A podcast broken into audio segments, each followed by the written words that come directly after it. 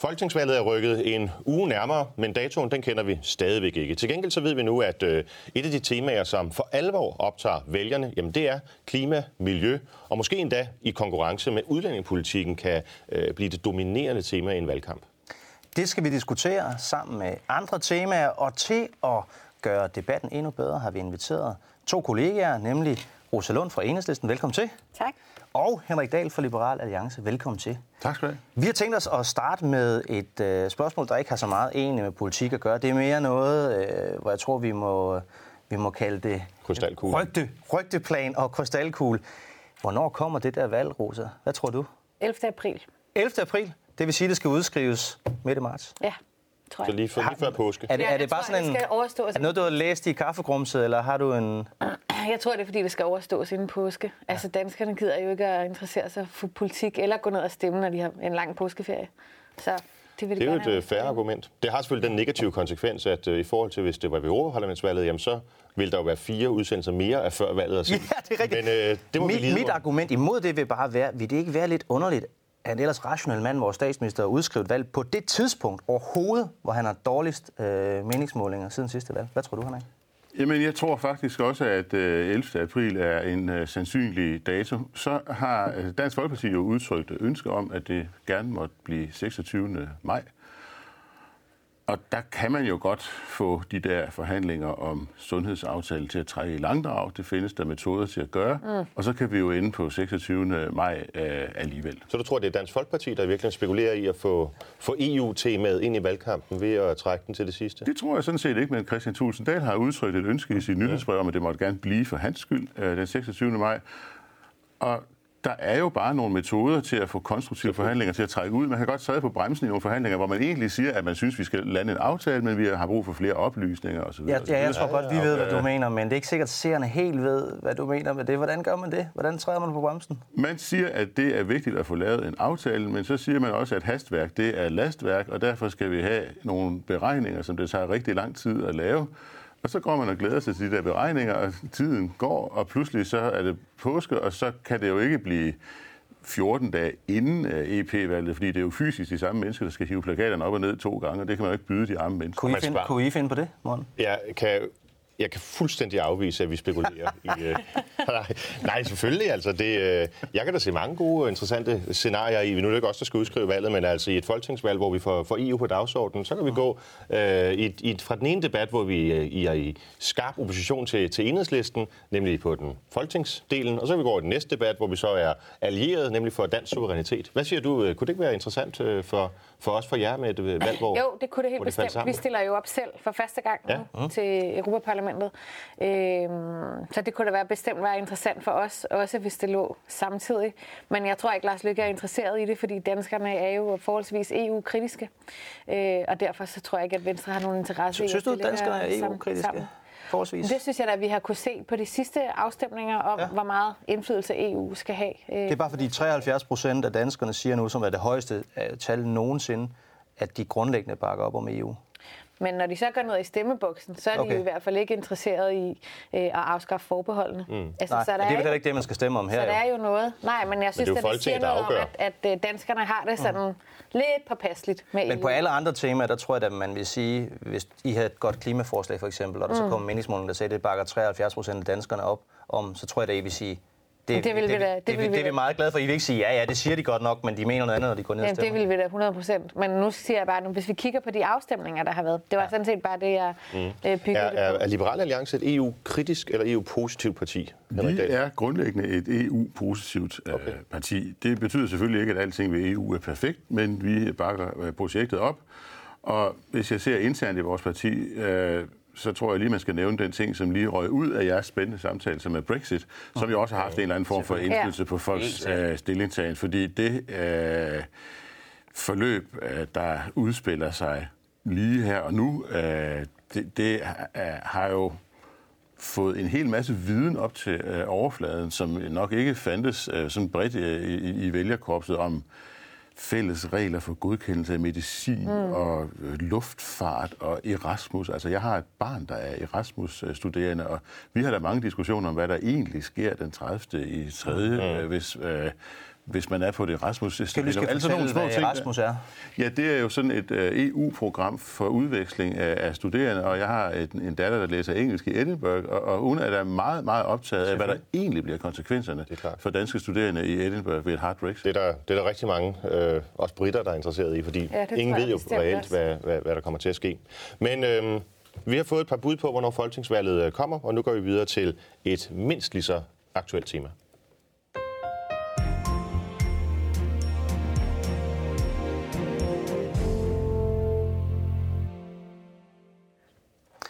For første gang i al den tid, jeg har interesseret mig for politik, øh, er der kommet meningsmålinger, der viser, at klima- og miljøpolitik faktisk er det vigtigste tema for vælgerne. Jeg ved godt, den slags meningsmålinger skal man tage med grænsalt, og andre målinger, så er det et andet tema, der er nummer et osv. Men jeg tror, alle må være enige om, at det øh, er øh, uden for diskussion, at temaet er kommet betydeligt højere på danskernes dagsorden. Og i den forgangne uge, der kom Enhedslisten med et øh, stort, gennemarbejdet, øh, grundigt og ambitiøst øh, udspil på, på klimaområdet. Og det er faktisk en af grundene til, at vi har dig med i dag mm. her, Rosa. Kunne du ikke starte med at fortælle, og det er en utaknemmelig opgave, fordi det er et, det er et stort udspil, men kunne du starte med kort at fortælle, hvad det, hvad det går ud på? Jamen, vores udspil går ud på at lave en plan, som tager klima problemerne alvorligt, altså som sikrer, at vi faktisk kan overholde vores del af Paris-aftalen, altså de internationale aftaler, men samtidig er det også en plan, som ikke parkerer regningen hos de mennesker i samfundet, som har mindst. Vi synes jo i enhedslisten, og jeg synes, at dem, som har fået lov til virkelig at øh, slippe billigt, det er jo dem, som faktisk forurener allermest. Altså de mm. store virksomheder, og dem, som har råd til at øh, flyve i tid og utid, hvad jeg lige vil at sige, men altså dem, som, øh, dem, som flyver meget, dem, som har råd er til klimaproblemerne, er det de vigtigste problemer, vi overhovedet står for? Ja, det synes jeg. Fordi man kan sige, jeg er jo optaget af alle mulige andre mm. ting også. Ulighed. Øh, hvordan behandler vi mennesker, som flygter til Danmark? Øh, hvordan overholder vi mm. retssikkerhed? Jeg er optaget af alle mulige ting, men alle de her ting er jo ligegyldige hvis vi står i vand til knæene, hvad jeg lige vil vi skal, sige. Vi skal altså, snakke mere om hvis konkret, hvad I har foreslået, men planet. jeg kunne godt tænke mig at stille samme spørgsmål til dig, Henrik, sådan helt overordnet. Er klimaproblemerne, er det egentlig de vigtigste, hvis man skal, sådan noget svært at stille hierarkisk op, men hvis man skulle, er det så de vigtigste problemer, vi har? Klimaproblemerne er jo så vigtige, at alle Folketingets partier gik sammen i en energiaftale i sommeren 18, og det er jo med al respekt lidt usædvanligt, at mm. Alternativet og I går med. Øh, men når alle Folketingets partier går sammen, så er det jo også rigtig vigtigt. Og det er jo en rigtig god aftale, fordi den siger jo, at vi skal være netto CO2-neutrale i 2050. Øh, og så Ligesom mange andre lande i verden, ikke? Præcis, ikke? Men altså, så har de jo nogle ting, så, så har alle jo noget, de gerne tage med. I tager jo jeres øh, skatteforslag med til bordet. Vi har gerne vil have noget privat kapital ind i den grønne omstilling. Men, og det er jo så et ønske, som men, Henrik, hvis det var så vigtigt, nu siger du og fremhæver, at de venstreorienterede partier er gået med. Ja, ja, det er vel ikke nogen overraskelse, at de er gået med. Det er vel nærmere en overraskelse, at I er gået med. Og hvis, hvis, hvis at det var så vigtigt for jer, som du siger, hvorfor er det så, at det ambitionsniveau, vi har i Danmark, det er sådan lidt ligesom de fleste andre landes ambitionsniveau om, at vi skal være CO2-neutrale i 2050. Hvorfor ikke rykke det årstal og blive det, sådan vi bliver et, et frontrunnerland? Mm. Jeg synes, det er godt, at vi har nogle øh, brede aftaler, fordi jeg tror, at det, der vil ske, hvis vi gik i spidsen og gik ene gang, det var, at Danmark ville blive øh, mindre konkurrencedygtig. Og så er vi jo nogle borgerlige partier, der også sidder og overvejer, hvor pengene skal komme fra. Dem, som I er rigtig gode til at dele ud. Og det er fint, vi har sådan en arbejdsdeling der.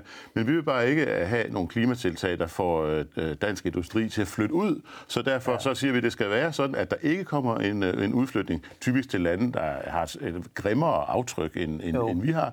Så derfor skal vi ikke have en dansk enegang. Men Danmark har den grønne position, vi har i verden, udelukkende på grund af én eneste ting. Dansk enegang.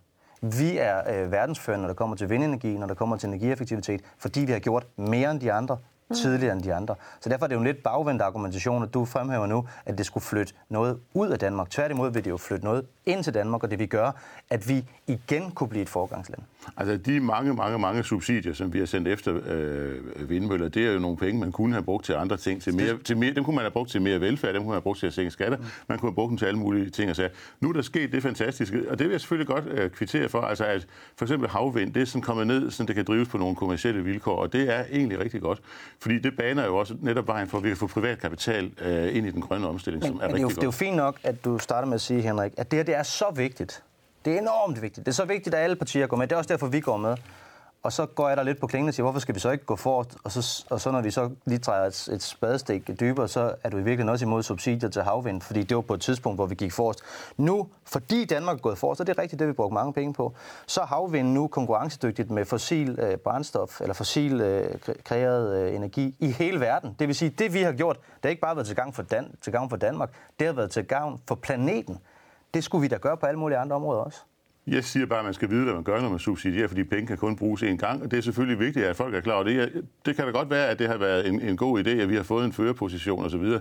Men det er jo ikke gratis at give subsidier, fordi det er jo altså nogle penge, som man kunne have brugt til øh, uddannelse eller til ældrepleje, eller hvad pokker. Man kan kun bruge det er, penge. Det er, det er gratis at bruge penge. Man skal i hvert fald vide, hvad det er, man investerer i, fordi det er jo en meget klart. stor sum penge, og hvad kan sige, der var ingen garanti for, at de penge ville udvikle sig til det, som der så er sket med, med vind.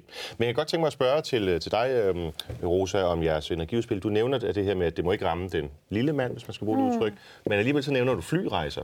Altså hvis der er noget, som har betydet noget for, for rigtig mange familier, og muligheden for at komme ud og se verden og komme på ferie og sådan nogle ting, så er det da billige øh, flyrejser, som det er, har udviklet sig gennem de sidste 10 år. Hvis I vil lægge afgifter eller skat oven på det, er det så ikke netop de familier, der bliver ramt?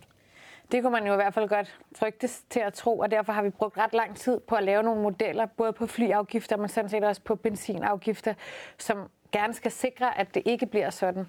Altså, vores, den flyafgift, vi foreslår, den rammer øh, hårdest, hvis du flyver mange gange, hvis du øh, flyver på business, altså hvis du flyver på de dyre billetter, og så alt afhængig af også, hvor langt du flyver. Og det vil betyde, at en helt almindelig øh, dansk familie, som gerne vil, vil til Costa del Sol, eller Mallorca, eller Kreta, øh, på sommerferie en gang om året, faktisk ikke vil blive ramt med så høj en afgift. Men det kunne også så på være, den måde at, har vi lavet øh, differentierede afgifter. Vi har gjort præcis det samme på benzin, øh, som jo er noget af det, der har fyldt meget i, i overskrifterne her øh, den sidste uge, og det kan jeg sådan set også godt forstå, hvis man bor i et yderområde, hvor der ikke er så meget offentlig transport og, og kører bil for at komme på arbejde og følge ungerne i skole, at man, man frygter det. Men der har vi faktisk også øh, lavet det sådan, at øh, det vil være et akademikerpar i København, som faktisk vil blive ramt hårdest. Og det er jo, når man selv er akademiker men, i København, kan man jo være lidt ked af det. På, at men det kommer altså... til at fungere på den måde. Altså, man kan jo godt sidde med et fint regneark og så sige, nu har vi lavet en model, som rammer præcis mm. der, hvor vi vil og ikke vil. Men hvordan kan I vide, at I, hvis nu for SAS, øh, at de ikke bare siger, jamen så sænker vi lige prisen, øh, eller indtægten på, på businessbilletterne, mm. for at holde den pris naturligt lav for vores, for vores high priority kunder, eller hvad det måtte mm. være. Og så vælter vi den over på dem, som alligevel øh, rejser øh, på, de, på de billige billetter, så bliver de bare måske 100 kroner dyre. Altså, hvordan kan I vide, jeg er sikker på, at jeres skrivebordsmodel så rent faktisk også rammer, som den skal ud i virkeligheden? Jamen, altså, vi kan jo ikke kontrollere, om SAS lige pludselig ændrer deres priser, eller om øh, danskerne tager til, hvad hedder det, Malmø og flyver i stedet for. Det ved vi jo ikke.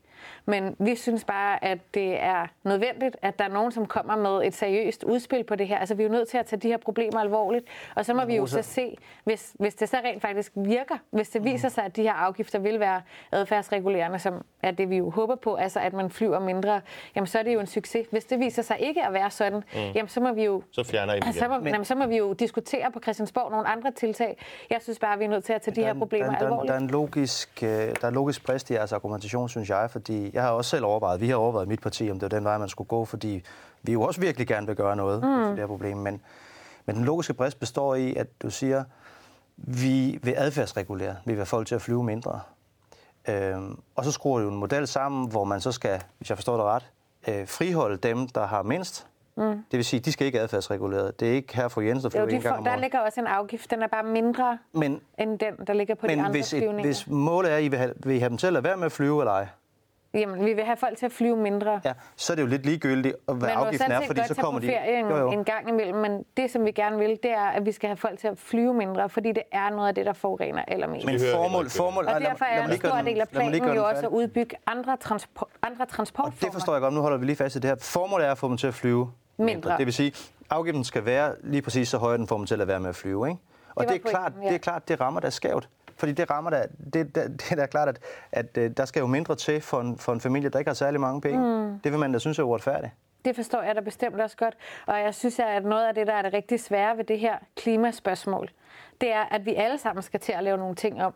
Vi skal alle sammen have, at vores forbrug skal være anderledes. Mm. Der skal ske rigtig mange ting, som jeg da også synes er vildt svære, og som jeg der tror, at alle i enhedslisten også synes er vildt svære. Vi kommer bare her med et bud på, hvordan kan vi gøre det her, så det rammer mindst muligt. Henrik, du sidder og tripper for at sige Jeg et øh, par... synes, at det er rigtig godt, at I er kommet ind i kampen med et forslag, og, og der, hvor jeg tror, det kan blive interessant at diskutere, det er jo, at enhedslisten jo nu erkender, at man får mindre af ting, man beskatter.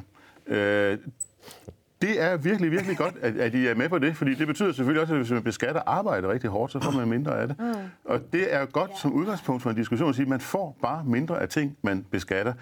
Det, som jeg tror bliver en, en, en svær øvelse, det er jo de dynamiske effekter, som jeg indrømmer, at jeg har mest læst jeres forslag fra avisoverskrifter, men det er at sige, hvad vil der ske med de dynamiske effekter, altså grænsehandel osv. Mm. Det, det er selvfølgelig lidt spændende, hvordan øh, det kommer til at spille sig ud.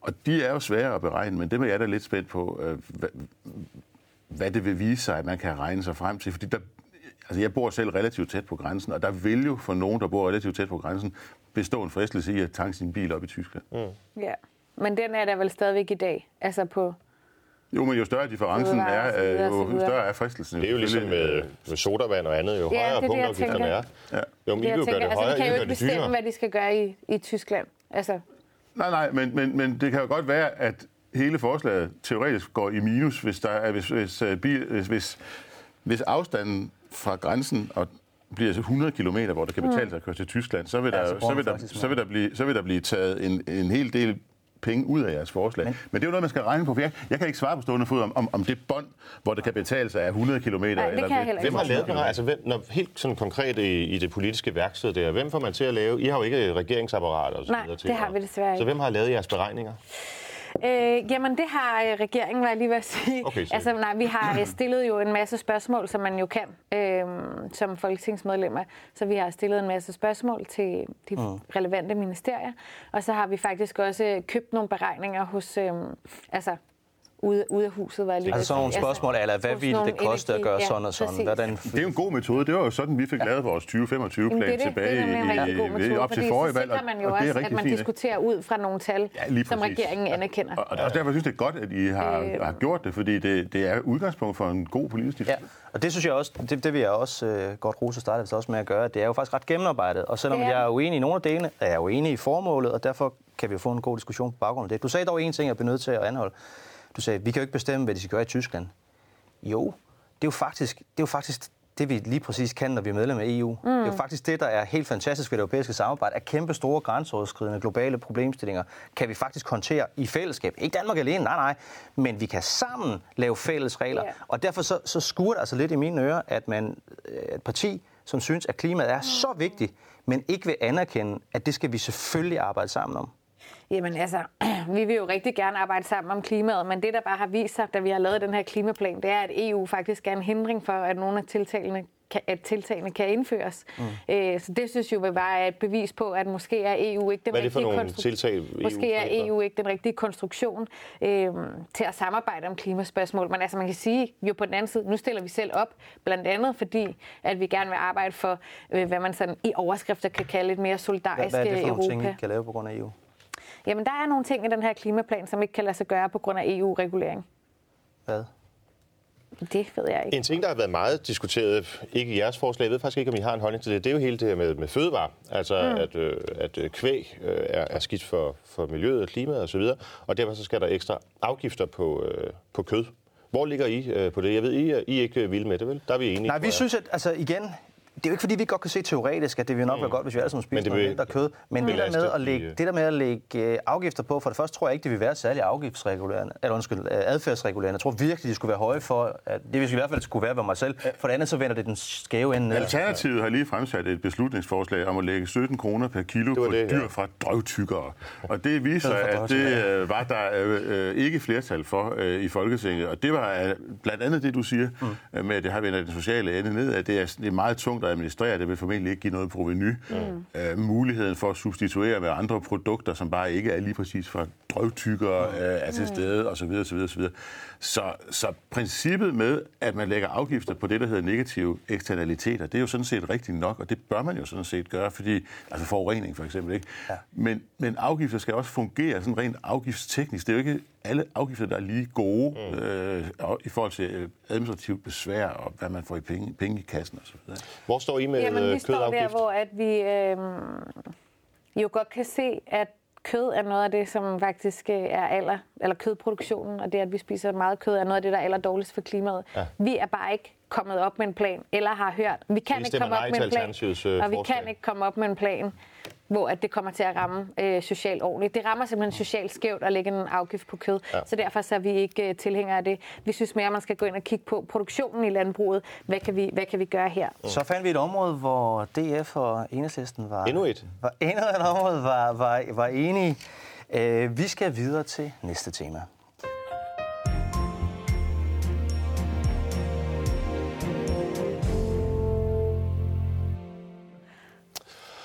Nu har vi hørt markeringer her, både på det fordelingspolitiske og det adfærdsregulerende, og øh, jeg kan ikke lade være med- når vi nu har en liberalist i studiet, selvfølgelig også at spørge lidt til øh, kulturen. Fordi øh, kulturen ville jo ikke leve, hvis ikke øh, der var en eller anden form for økonomisk støtte under det. Vi ville ikke have det kongelige teater, vi ville ikke have øh, de facetterede netværk af museer osv. Øh, hvordan har Liberal Alliance det egentlig med, at vi har sådan et, et offentligt finansieret kulturliv i Danmark? Jamen det er jo vi sådan set tilhængere af, fordi vi øh, er jo klar over, at øh, et land som Danmark, øh, som er en selvbevidst og selvstændig nation, den kan jo ikke eksistere uden institutioner, øh, hvor man kan høre skuespil på dansk for eksempel, og hvor man kan læse dansk litteratur. Mm. Og selvom jeg havde udtrykket en øh, markedsfejl, så er, og, og, og det er åndssvagt, og det er sådan lidt sagt med et glimt i øjet, så er det jo en markedsfejl, at der er så få mennesker, der taler dansk. Men det er jo en markedsfejl, man er nødt til at afhjælpe på en eller anden måde. Jamen, Det er en negativ eksternalitet. Så jeg kunne da ikke være mere enig. Jeg Derfor, tror, det derfor var- så støtter vi jo selvfølgelig at afhjælpe den her beklagelige markedsfejl, at der ikke er 500 millioner mennesker, der taler dansk. Så- Men Hvorfor lukker I så ned af kulturinstitutionerne ud, altså i, i verden, de her øh, forskellige øh, enheder, vi har på ambassaderne rundt omkring? Der er blevet færre og færre af dem igennem de seneste år. Er det ikke netop en måde, man kunne promovere, måske ikke det danske sprog, men så i hvert fald dansk kulturliv? Altså for at være helt ærlig, så tror jeg, at det er sådan en øh, finansministeriel øh, øvelse, hvor man beder om nogle budgetredegørelser, og så siger man, hvad får vi for pengene, og så skruer man ned på det. Øh, Udenrigstjenesten har været i Finansministeriets søgelys i, i rigtig, rigtig mange år. Øhm, det, som jeg synes er mærkeligt ved, ved kulturpolitik, det er, at hvis man ser på udøvende kunstnere og formidlere og mellemmænd af den ene og den anden slags, ja. så får formidlere og mellemmænd altså bare en rigtig, rigtig stor bid af den kage, der er. Og de udøvende kunstnere, de får egentlig uh, relativt lidt. Så hvis jeg sad i kulturministerens stol, så ville jeg nok også interessere mig lidt for den der fordelingsnøgle imellem uh, mellemmændene og Men er det ikke og også sådan i mere, hvad kan man sige, større sprogområder, i mere kapitalistisk orienterede systemer, som det amerikanske eller det tyske? Altså, der er det også bookerne, som, som virkelig øh, tjener meget.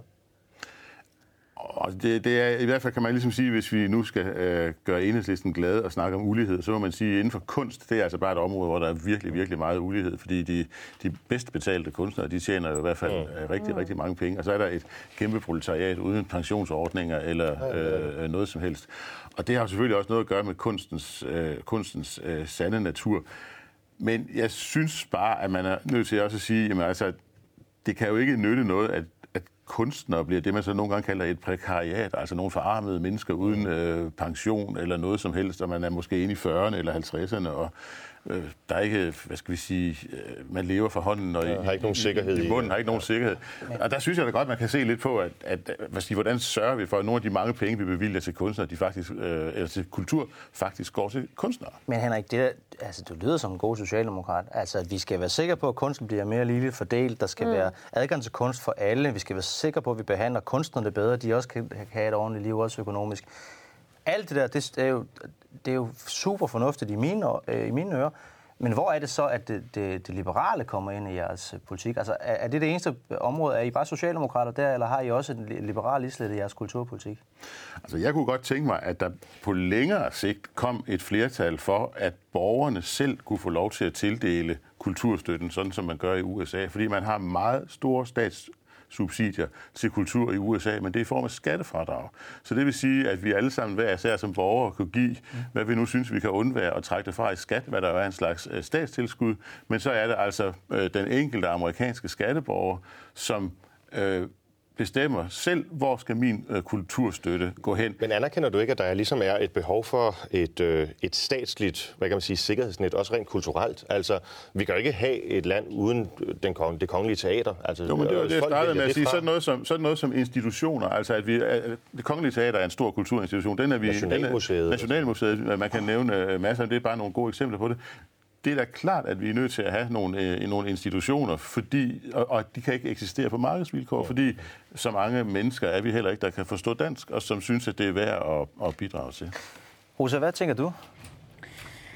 Jamen altså, jeg synes også meget af det, som Henrik siger, lyder jo bare rigtig, rigtig godt, især hvis vi kan få ja, gjort op med det her med, at, altså, at der er jo enormt meget ulighed øh, i kunsten, fordi at dem, som virkelig altså er i toppen, de tjener rigtig mange penge, og så er der nogen, som bare øh, ikke tjener noget som helst. Og så er der jo også nogle midler, som bliver fordelt lidt ulige, altså når vi kigger på, hvad er det for noget kultur, vi prioriterer.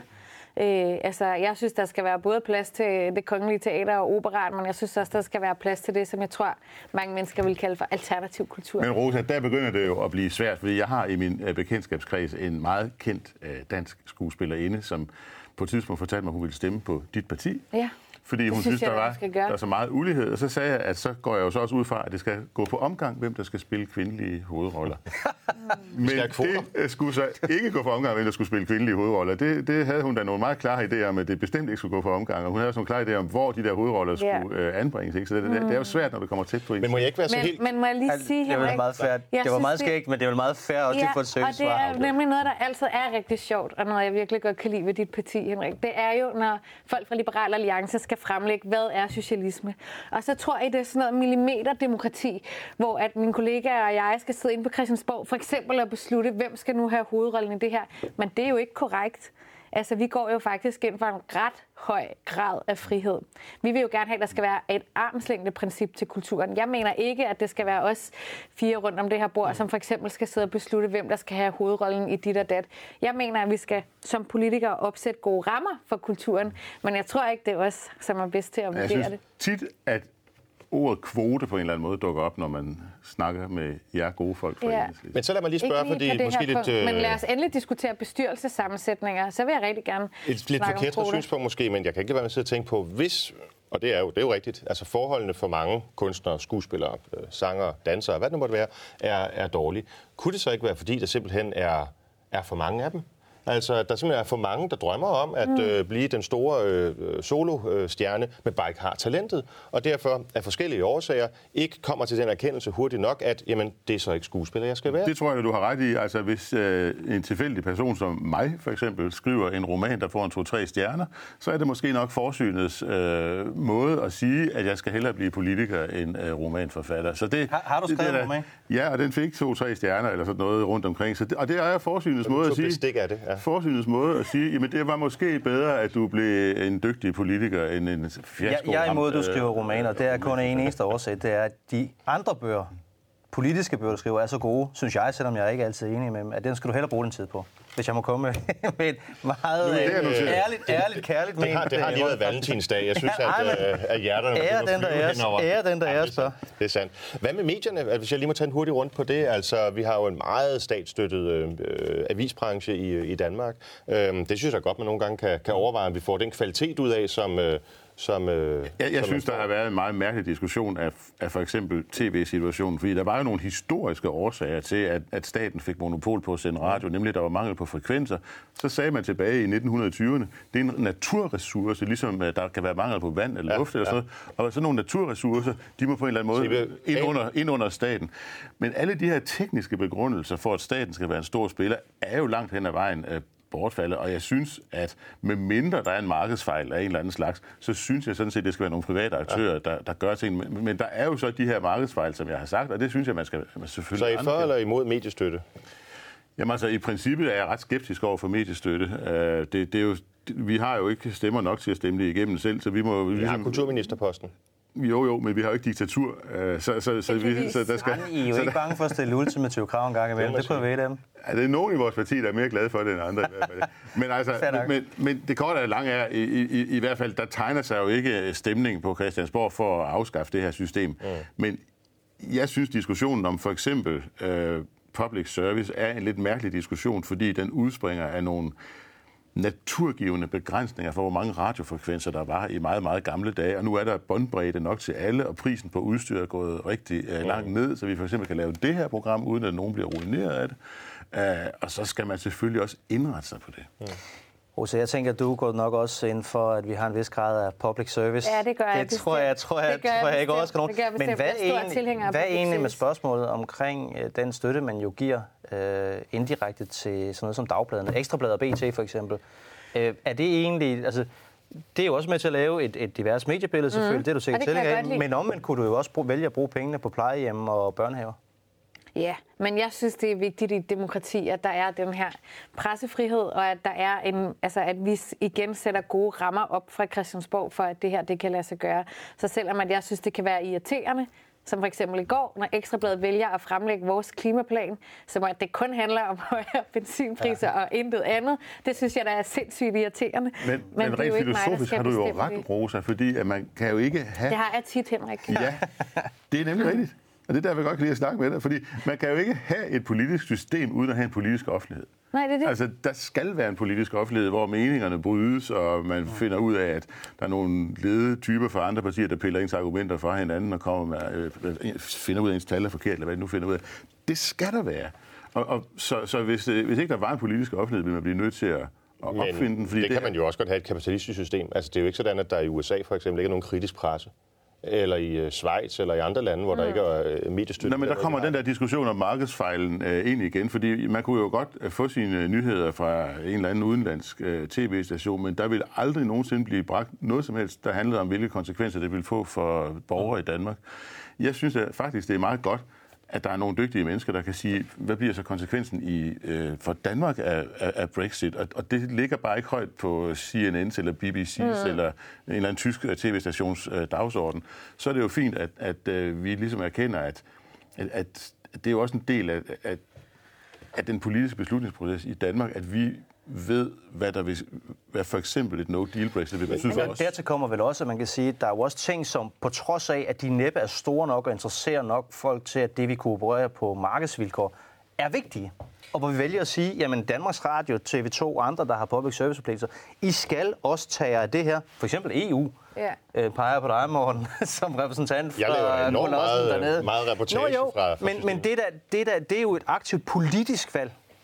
Ja, både det, og så er der vel også, synes jeg, den ret vigtige del af public service, som er noget af det, der jo faktisk binder os sammen som nation, altså uden sådan at skulle, eller faktisk måske at komme op på den helt store klinge. Altså, øh, hvis vi for eksempel bare tager noget af alt det børnefjernsyn, som DR har mm. lavet, det har jo virkelig bundet os sammen. Altså, det er jo noget af det, som vi er fælles om, mm. på trods af, hvor vi bor i landet, hvor mange penge vi tjener, hvad vi ellers ligesom går op i og synes er vigtigt. Altså det, og så måske fodbold og håndbold. Men, ikke? men det er jo rigtigt, men vi kan bare det ikke, øh, sammen på vi kan bare ikke tale om Danmarks Radio og TV2 som public service herover og så ikke sige det samme om, om de, alle aviserne, fordi de er jo også fuldstændig afhængige af offentlige midler. Vi Ja, stiller er bare ikke de rigtigt. samme krav til dem. Så hvis vi, vi siger, at argumentet for at have Danmarks Radio, det er, at de øh, bringer noget om EU og Bamses billedbog og hvad ved jeg, mm. jamen hvorfor stiller vi så ikke de samme krav til de såkaldt kommercielle medier? Fordi de er jo også fuldstændig afhængige af den offentlige støtte, mm. men vi stiller bare ikke nogen krav. Jamen, vi lever jo ikke i en perfekt verden. Altså, det, det, altså, det er selvfølgelig klart, synes jeg, for mig i hvert fald, at man skal ikke give offentlig støtte til, til ting, som det ikke på en eller anden måde er meget vigtigt, og hvor der er en, en tilstrækkeligt tungtvejende grund mm. til at gøre det. Så, så hvis, hvis det bare handler om, at det sådan set er meget rart, at man får en check fra statskassen en gang om måneden, så, så synes jeg ikke, det er grund nok. Det kan jo du skal, nærmest du dræbe skal, du skal løfte en tungere bevisbyrde, Ja. øh, for at det kan lade sig gøre. Der er du enig? Ja, det er jeg faktisk enig i. Men, men Henrik, øh, du kan vel næppe være uenig i, at vi lige nu lever i en tid, hvor sådan den der offentlige sfære, du taler om, og den politiske offentlighed er truet. Altså det er den af fake news, det er den af, af polarisering af medier, det er den af alle mulige årsager. Et kæmpe problem, det er du ret i. Hvordan kan det så være, at lige i den situation vælger I at skære markant på public service? Det er, er jeg faktisk rigtig glad for, at du spørger om. Jamen, det er fordi, vi har altid, eller vi har i en årrække haft øh, den opfattelse, at Danmarks Radio havde bredt sig langt, langt ud over kerneopgaverne. Altså som sagt, hvis der er en markedsfejl, hvis der er en fornuftig grund, hvis man kan løfte bevisbyrden, så synes jeg egentlig, at der bør være øh, nogle offentlige tilskud. Men der er nogle ting, som Danmarks Radio laver, som nøjagtigt lige så godt kunne blive lavet på kommersielle vilkår. Der synes jeg simpelthen ikke, det er, kan løfte bevisbyrden og sige, det skal vi Men lave med kun. Jeg har jo ikke kun skåret på Danmarks Radio. De penge, jeg har skåret på Danmarks Radio, har, jeg så ikke, har I jo ikke bare overført en til en til andet public service. I har jo skåret på public service-rammen, ikke? Jamen, altså, det synes jeg da sådan set ikke gør noget. Altså, de, det der 3 milliarder, der bliver tilbage, det er altså en pæn rund sum sidst på måneden. Ikke? Altså, og og, og Ja, så må man jo bare ligesom sige, hvis ting, der kan laves på markedsvilkår, der er simpelthen ikke nogen grund til, at det bliver lavet Men på andre områder, det er jo ikke sådan, at vi siger, at klimaet bliver større og større problem, så lad os bruge mindre på klima. Forsvarets øh, øh, udfordringerne bliver større og større, så lad os bruge mindre på forsvaret. Sådan fungerer det jo ikke i politik. Normalt siger man jo, hvis problemet bliver større, det har du lige anerkendt, det gjorde, hvorfor vil I så bruge mindre på at løse det? Det er da en opfordring til Danmarks Radio om at fokusere og få alle de ting væk fra sin sendeflade, der kan laves på markedsvilkår. Det er jo ikke, det er jo ikke X-Factor og bagedysten og hvad ved jeg, som øh, modgår fake news. Altså, der Nej. kunne Danmarks Radio så vælge at bruge sine 3 milliarder mere som koncentreret. Men det er fint, men I kunne jo så bare vælge at sige, at de penge skal så gå til noget andet. Det har I ikke gjort. I har bare valgt at tage pengene væk. Det er jo på grund af armslængdeprincippet, som Rosa andet, hun, øh, hun talte varmt om lige før. Vi siger, at vi, rammen er noget andet. Det gælder for alle andre enheder i, i Danmark også, under, undervisning og sundhed osv. ikke Og så må I, jo, prøv at høre, så er den ramme, der er blevet mindre, så må I selv finde ud af, hvordan vi finansierer det. Du kan ikke kalde det armslængde og sidde og sige på en offentlig tv-station, vi skærer jer. Og det gør vi, fordi vi ikke vil X-Factor, det gør vi, fordi vi ikke vil det der. Men i øvrigt har vi ikke tænkt os at blande os. Radio- I øvrigt har vi ikke tænkt os at blande os i, hvad I laver. Danmarks Radio har da haft brug for et los i bagdelen, fordi man har sagt, specielt under den forrige regering, at alt er public service. Det, det sagde Marianne Hjelved, da hun var kulturminister, alt er public service. Så skal man pludselig forstå, at Bagedysten eller X-Factor eller hvad pokker det er, det er public service. Vel, at det der ej, det er der programmer, der kan laves på kommersielle vilkår vi jo steder. se. Og det her spark i bagdelen, det har det jo så bare åbenbart været nødvendigt, fordi man har siddet i sådan en eller anden ophøjet selvtilstrækkelighed og sagt, at alt, hvad vi laver, er guddommelig public service. Det er det værste sludder. Og de 3 milliarder, sådan i runde tal, der bliver tilbage, så må man lave noget fornuftigt public service ud fra sådan gængse definitioner på, hvad det er. Falder, falder egentlig argumentet om, om public service ikke mere og mere fra hinanden, i hvert fald over for den yngre generation, som ikke ser Flow-TV? Altså, hvis argumentet er, at man skal ligesom lokkes ind med noget X-Factor eller noget andet kalorielet, mm. og så derefter så ser man lige også en, en dokumentar om, hvor, hvor fed Putin er, for at karikere det lidt, ikke? Men det falder jo bort, hvis folk de bruger mere og mere, hvad hedder sådan noget, pick, pick and choose, eller hvad hedder det, hvor de sidder og skræ- skræddersyr deres eget Det er jo programvalg. bestemt. Der er jo både på grund af nye medier og nye måder at ligesom få sin information på. Der, ja. står, der står, hvad kan man sige, de traditionelle, øh, både tv-stationer, men sådan set også aviser jo over for nogle udfordringer, især for de øh, også generationer, som, som er yngre end mig. Øhm, men det synes jeg faktisk, at DR, de har klaret rigtig godt. Altså, det er jo virkelig en udfordring, som særligt DR har taget hånd om. Altså, de har jo lavet øh, nye kanaler, de bruger øh, sociale medier meget mere, end man har gjort før, øh, til at komme ud med nyheder, og det synes jeg, der er fuldstændig genialt. Noget det, vi har sagt, at vi, vi kan sådan set også godt se, at Danmarks Radio er blevet en utrolig stor institution, og der har også været nogle eksempler på, at man har brugt penge på en måde, som vi måske heller ikke synes var helt fornuftig, men vi synes så bare ikke, at det er et argument for, hvis man skulle skære på Danmarks Radio. For det første synes vi ikke, man skulle skære så meget, og for det andet synes vi så ikke, at man kan sige, at de penge skal så bruges på skattelettelse eller noget helt andet. De skulle stadigvæk bruges på public service. Mm. Mit spørgsmål til dig er, vil I gerne være med til at sige, okay, Øh, man kunne måske godt lave ting ala 24-7, ala nogle ja. af de andre ting, vi, har- vi har set fungere godt øh, derude. Er det vigtigt for jer, at det lige er Danmarks Radio, der løser den opgave, eller, eller er det okay at brede det lidt ud? Jamen altså, vi synes jo helst, det skal være Danmarks Radio. Vi synes, det er en ganske glimrende institution, som faktisk har altså formidler rigtig god public service, men som jeg også sagde før, er med til at, at samle, samle os som land.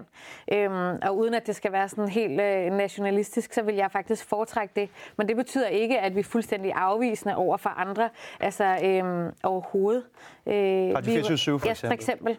Det synes Men jeg, er jeg forstår ikke. Socialdemokratiets øh, holdning øh, lige her, fordi I plejer at være tilgængelige for sådan helt overordnet set, hvad man kan kalde økonomiske argumenter.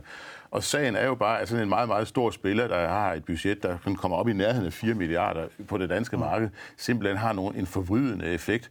Det skaber nogle, øh, nogle markedsbarriere for, at nye spillere kan komme ind, øh, som er kæmpe store, og, og, og, det, og det kommer til pludselig at stille nogle gigantiske kapitalkrav til, til de andre medier, øh, som som er svære at honorere, når man ikke har statstilskud øh, med i lommen. Ja, du, du har helt ret i, at vi plejer at være tilgængelige over for økonomiske argumenter, men det er lidt at sige, hvad det er for nogle økonomiske argumenter. Det er ikke nok, at de bare er økonomi, det handler om. Og men en spiller, det en spiller, en spiller, for eksempel, der er så stor... for eksempel er det et økonomisk argument at sige, hvis vi har et problem, der bliver større, så de midler, vi tilfører for at løse det, det problem, der, dem skal vi ikke ned. Jeg, jeg vil gerne svare på spørgsmålet. Jamen, hvis jeg bare lige for at få det skåret for, for, for seerne måske, hvad det er, vi taler om. Altså, hvis du har en artikel på Berlingske, ja. som koster penge at tilgå, så er det vel et økonomisk problem, at Danmarks Radio laver en citathistorie, ja. så du går ind og se den gratis. Det er da konkurrenceforvridende.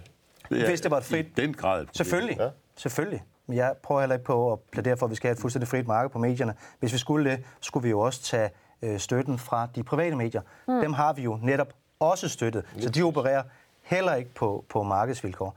Og så må jeg også bare sige, hmm, hvis jeg skal vælge imellem sådan det optimale marked ud fra sådan en uh, Adam Smith-tankegang, uh, eller et marked, som er reguleret for at opnå det, vi gerne vil, uh, med skatteydernes penge, så vælger jeg da klart det sidste. Betyder det så, at vi bare skal støbe alting i beton?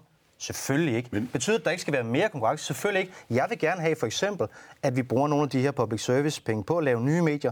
Man har gjort det med 24 med kæmpe succes. Men public service puljen er jo også blevet forøget. Men jeg synes bare, at der er noget Nej. forkert i at tale om Danmarks Radio, uden at se på medierne som et økosystem. Fordi det, som Morten jo rigtigt siger, det er, det, at når man har sådan en stor spiller, som kan lægge ting ud øh, med statstilskud, og uden at der skal lægges en brugerbetaling, så har det ekstremt negativ øh, virkning på resten af økosystemet. Og man er simpelthen nødt til at sige, at den her spiller i det økosystem, som danske medier er, er simpelthen blevet så stor.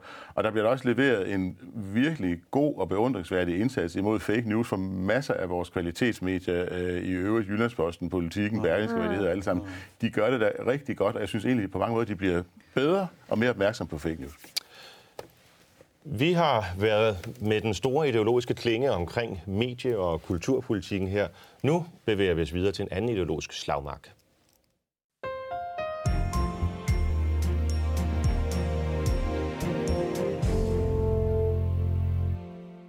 Den forgangne uge øh, har vi set resultaterne af en større undersøgelse af Danmarks øh, krigsdeltagelse igennem de, de senere år. Og en af konklusionerne har været, at øh, blandt andet grunden til at gå ind i Irakkrigen fra den daværende regerings side, fremført af udenrigsminister Per Stig Møller og statsminister Anders Fogh Rasmussen, øh, viste sig ikke at holde vand. Det er i hvert fald den måde, jeg læser rapporten på. De strammede simpelthen øh, nogle af de konklusioner, de havde fået fra efterretningstjenester og andre, for og tjene deres eget politiske formål, som var, at de ville i krig, og de ville støtte USA i den sag. Nu skal vi diskutere, om det er en rigtig og fair måde at fortolke den rapport på, og øh, om man handlede øh, rigtigt dengang, man gik i krig i, i Irak. Jeg tror, jeg ved lidt om, hvad du mener, så derfor vil jeg starte med at spørge øh, Henrik, for jeg er faktisk lidt i tvivl om, hvad Liberale Alliance egentlig mener om den sag. Jeg synes, at øh, dansk udenrigspolitik siden murens fald øh, har været præget af en stor mangel på viden om Mellemøsten, og derfor har vi lavet en hel masse kæmpe store fejl øh, i mm. Mellemøsten. Og Irakkrigen, øh, det er jo en af dem, fordi det, som Irakkrigen gør, det er, at den skaber et magttomrum øh, i Irak, som jo i sig selv er noget af det værste, man kan have alle steder. Men måske navnlig øh, i Mellemøsten, der er de her magttomrum virkelig, virkelig farlige. Man har også set dem i Syrien, man har set dem øh, i Libyen. Sådan et magttomrum, det skaber man fuldstændig bevidst, og man rykker øh, balancen mellem shia og sunnier på en måde, som gør, at Iran det siger den amerikanske her også ja. i sin analyse af hele Mellemøsten-indsatsen. Den eneste fuldstændig entydige vinder af de sidste 15 års Mellemøsten-politik, det er Iran. Mm.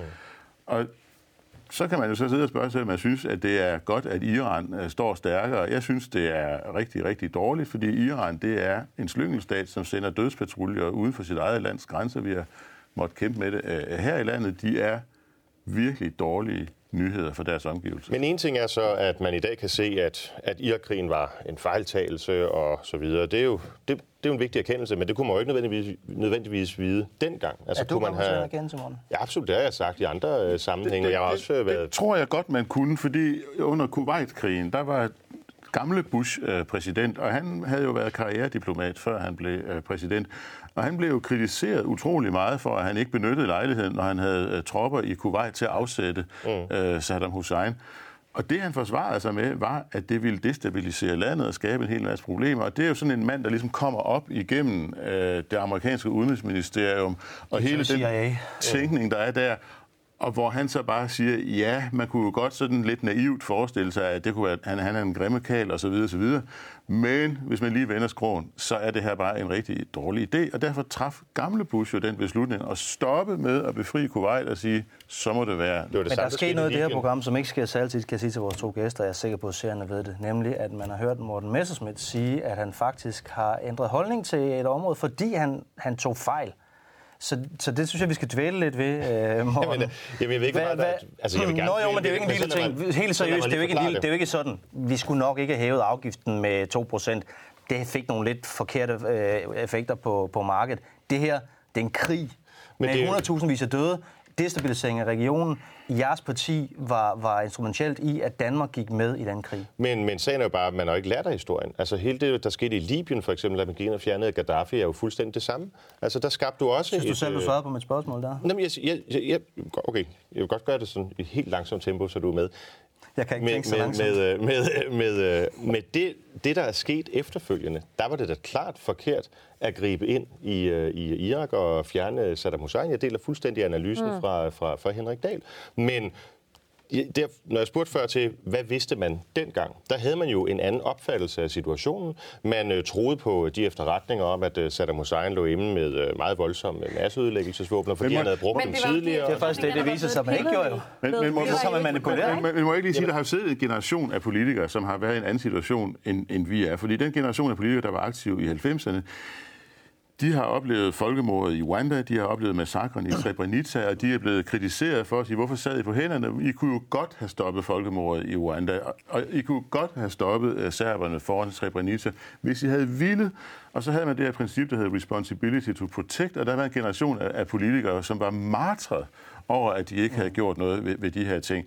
Og der har jeg bare den oplevelse, at, at, den, at det hører vi jo så ekkoet af, når Benghazi, den næststørste by i Libyen, bliver belejret, man er bange for et folkemord, så er der en generation af politikere, der sagde, hvorfor sendte vi ikke et airstrike ind øh, foran Srebrenica? 8.000 mennesker kunne have reddet livet. Vi kunne have bombet the shit out of uh, Serbien. Nu stiller jeg lige et lidt ledende spørgsmål herover til venstre. Øh, synes du, det er okay, Rosa? Det bliver meget ledende.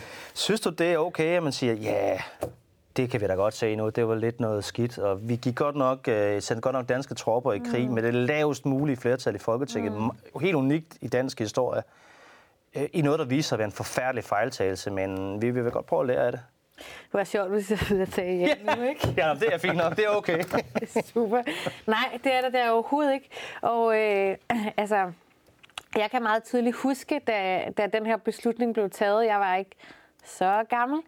Men det var faktisk noget af det, som gjorde, at jeg blev, altså jeg blev aktiv i, mm. altså jeg blev politisk aktiv. Jeg synes, det var simpelthen så langt ude, at Danmark de skulle deltage i den her krig, som jo var på baggrund, og det sagde, det er jo nemt at sidde nu her og være enhedslisten og være sådan, hvad sagde vi?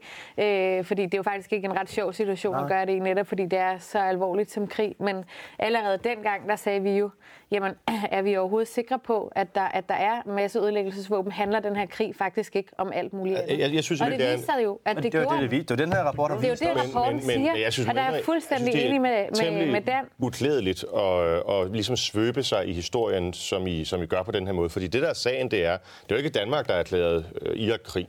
Det var USA, vores Bestemt. nærmeste og tætteste allierede. Og der vil jeg anbefale, at man går ind i biografen og ser den film, der hedder øh, Vice.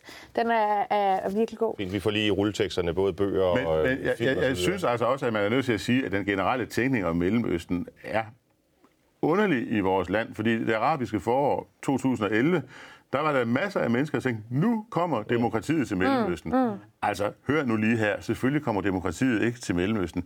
Jeg er glad for, at jeg i maj 11 skrev om det arabiske forår. Jeg tror, at regionen vil synke ned i kaos, og til sidst vil den stærkeste kraft, hvem det så end er, mm. genoprette orden i Mellemøsten.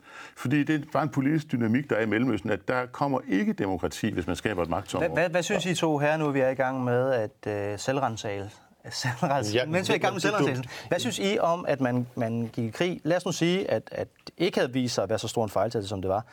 Er der ikke noget lidt problematisk i at gå i krig med, med et enkelt mandats øh, Overhovedet ikke. Danmark? Og med Overhovedet et snævert flertal. Overhovedet det var jo meget Det var det, snævert. Overhovedet ikke. Og jeg synes igen, det er dybt uklædeligt, det det I prøver, fordi I prøver sådan set at, at, at, øh, lægge præmisserne for en beslutning, der blev truffet for 15 år siden. Øh, alt det, der skete efterfølgende, lægge det til grund. Nu ser jeg bare som generelt Nej, det er det ikke. Hvad hvis nu, det kunne sagtens vise at, at, at, at krigen øh, et eller andet sted øh, havde været retfærdig og rigtig. Som jeg skulle, man så, skulle. Danmark så lade afholde sig fra at engagere sig i en konflikt, fordi I ikke vil være med på det? Og Dan, lad mig- lige- spole øh, tiden tilbage. Altså, så lad os sige afviklingen af staten i Jugoslavien.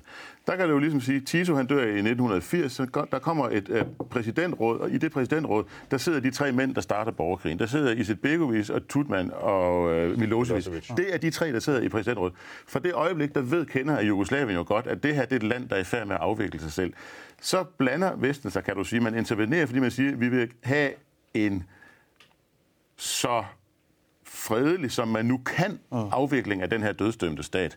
Det kunne godt have været meget mere fredeligt, men det var blevet meget mere voldeligt, hvis, øh, hvis vi ikke havde interveneret. Så det er jo altid en svær og historisk situation, men i det øjeblik, du ved, at sådan en forbundsstat, den er dødsdømt, og der er, hvad skal vi sige, nogen i forbundet, som er klar til at underskrive skilsmissepapirerne, og så er der serberne, der ikke er klar til at underskrive skilsmissepapirerne, der synes jeg egentlig, at vi handlede rigtigt. Men der var jo frygtelige diskussioner i den danske offentlighed. Masser af mennesker, der sagde, at vi skal bare lade som ingenting. Ja, der Det var ikke handlede, meget, det handlede meget om, at man skulle have FN-mandat dengang, men jeg må ja. åbenbart have udtrykt mig, fordi det kan ikke passe, at I begge to har misforstået. Så det er sikkert mig, der har udtrykt mig forkert. Det var faktisk ikke det, jeg spurgte om.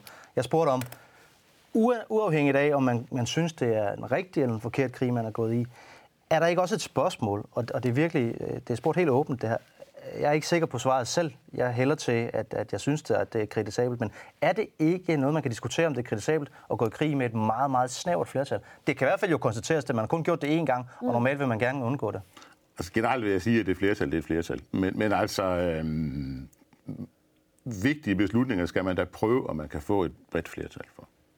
Jeg er fuldstændig enig. Og jeg synes igen, altså, man er nødt til at tage... Ændre der er grundloven for eksempel, kan man jo ikke bare gøre med flertal. Nej, det er jo fordi grundloven foreskriver det. Altså, så Ja, det er jo ret vi jo ændre. Det kunne vi jo så ændre. Men det kan I så gøre. Altså, hvis I gerne vil ændre grundlovsproceduren, så kan I bare gøre det. Det skal bare ske efter den gældende procedure. Og så må det jo Du er også meget være... frejst i dag, Morten. For... Jeg jeg ikke tror godt, Jeg jeg, tror, du det- forstod, hvad jeg mente med det. jeg forstod det godt, Du sagde, flertal er et flertal, så siger jeg, nej, det er det jo ikke. Jamen, det er det da. Et flertal er der et flertal. Men du forstår bare ikke det her med... Der er jo masser af ting, også i den socialdemokratiske historie, hele jeres ageren for eksempel op til under øh, 2. verdenskrig, hvor man sidder og siger, vil man have gjort sådan, hvis man vidste, hvordan historien efterfølgende den havde udviklet sig? Det vil man nok ikke. Man havde nok gjort noget andet. Ikke? Og det er det samme, jeg sidder og siger i forhold til, til Irak-krigen. Altså, jeg har, havde på det tidspunkt Samme vi stemt siger for... lige meget, hvad jeg ellers spørger om. Ja, det har jeg forstået. Jamen, jeg ved godt, det, det er svært for dig at håndtere, at der er en eller anden form for kronologi og konsekvens. Nu skal vi ind i en konstruktiv måde at køre det her. Men, øh, men, men, men så vil jeg så stille et lidt mere, hvad kan man sige, mindre ledende polemiske øh, spørgsmål til, til enhedslisten Ja, her, vi, vi bevæger os ind i Gør det. programmet sidste minutter. Kunne man overhovedet forestille sig nogen som helst krig, hvor I nogensinde ville stemme ja til et mandat? Libyen gjorde I vel? Libyen gjorde vi. Gjorde I det? Ja, det gjorde vi. Ændrede det godt nok Men efter vi et par dage. det. Hvordan synes du, Hvis det jeg gik? lige må svare. Øh, jeg kan tydeligt huske faktisk det der med Libyen Information. De havde sådan en kæmpe overskrift, hvor der stod Frank Åens 11 dage i krig, fordi vi, øh, vi ændrede nemlig Men det var Benghazi og Responsibility. øh, 11 Ja, ja. dage efter. Det Så vanskelig ja, det kunne man da altså, teoretisk set godt forestille sig, men det er jo helt rigtigt forstået, at vi, øh, I er ikke pacifister. At vi tror, at man skal Vil I kalde jer måske selv pacifister? på nogle andre måder. Det tror jeg ikke, vi ville. Men, men der er Du sikkert, kalder der er sikkert nogen i mit parti, der ville. Ja. Øh, jeg tror ikke, jeg vil kalde mig selv det. Jeg kan Hvad godt forestille mig, Altså, hvad er egentlig enhedslisten? Altså, vi er socialister, Morten. i socialister. Ja. Hvor, hvis så man siger, at vi har Karl Marx og Engels og så videre herude, og så Adam Smith derovre. Nej, Adam Ja. Smith sidder der. Det er bedre godt Åh, den anden okay, vej vi- rundt. vi bytter Adam rundt. Smith, Adam Smith sidder Hvor, der. lang, hvor langt fra Karl Marx er og, Marx og company er... Stavning er her. Jamen, det synes Ah, jeg, ja, det ja. synes jeg faktisk er et rigtig interessant Stavning startede her. Ja, det er lige det. Og der må jeg jo så øh, skuffe de herrer, som jeg er blive klogere. nærmest Ja. lige har fået en historielektion af her. Jeg har aldrig rigtig været den, som gik særlig meget op i, hvad gamle mænd i Rusland de mente. Altså, jeg er meget praktisk Det skal du orienteret. gøre. Det skal du, det, det, det skal du gøre. Øhm, så hvor vi ligger på sådan en skala der mellem Marx og Stavning, det har jeg nok lidt svært ved at svare på, men jeg kan da i hvert fald sige, at det, som vi går meget op i, og det, som betyder noget for mig, det er, at vi praktisk kommer til at lave forbedringer, som gør, ja, ja, ja, at uligheden bliver mindre, at klimaet bliver bedre, Ja, ja. og at almindelige mennesker Henrik skal lige lov at har et svare. bedre liv. Er du øh, helt herude hos øh, Smith, Natvægterstaten. øh, ultraliberalist, eller er du herinde af mod midten, eller hvor, hvor vil du sådan Jamen, dig jeg selv? er reformist, og, og, og, og jeg vil gerne lave nogle øh, reformer, som er sådan trækker Danmark i en mere liberal retning. Men, jeg, men de skal gennemføres sammen med andre partier, og derfor må man bringe sig i en position, hvor man i det hele taget kan indgå i samarbejde Liberal med andre demokrat. Nu stiller jeg et kan, spørgsmål. Og kan, lave, øh, og kan lave noget politisk samarbejde. Spørgsmålet jeg normalt aldrig vil stille andre, men fordi du er sådan en belæst mand, så kan jeg godt stille dig det. Øh, hvis du skulle pege på sådan en stor teoretiker, det er så ikke Adam Smith, det er klart. Det er nok heller ikke øh, Karl Marx. Er der nogen, som du sådan føler, det er ligesom ham eller hende, der sådan teoretisk ligesom tegner det politiske billede, som jeg, øh, som jeg støtter op om? Bøk. Du bliver ikke, du bliver ikke sat til indsigt for alle mulige detaljer bagefter. nej, det- det er jo det, jeg skal interesse. Altså, det ikke en, jeg sådan lige kan komme i tanke om, men, men, men på Bismarck måske. Men, Bismarck. Nej, det er et godt svar. Ej. Med det, med Nej, det, det er da siger vi katastrofalt. fantastisk svar. Med det siger vi øh, mange tak, fordi I øh, kiggede med. I næste uge er vi tilbage med et nyt afsnit i Førvalget med Jørgensen og Messerschmidt.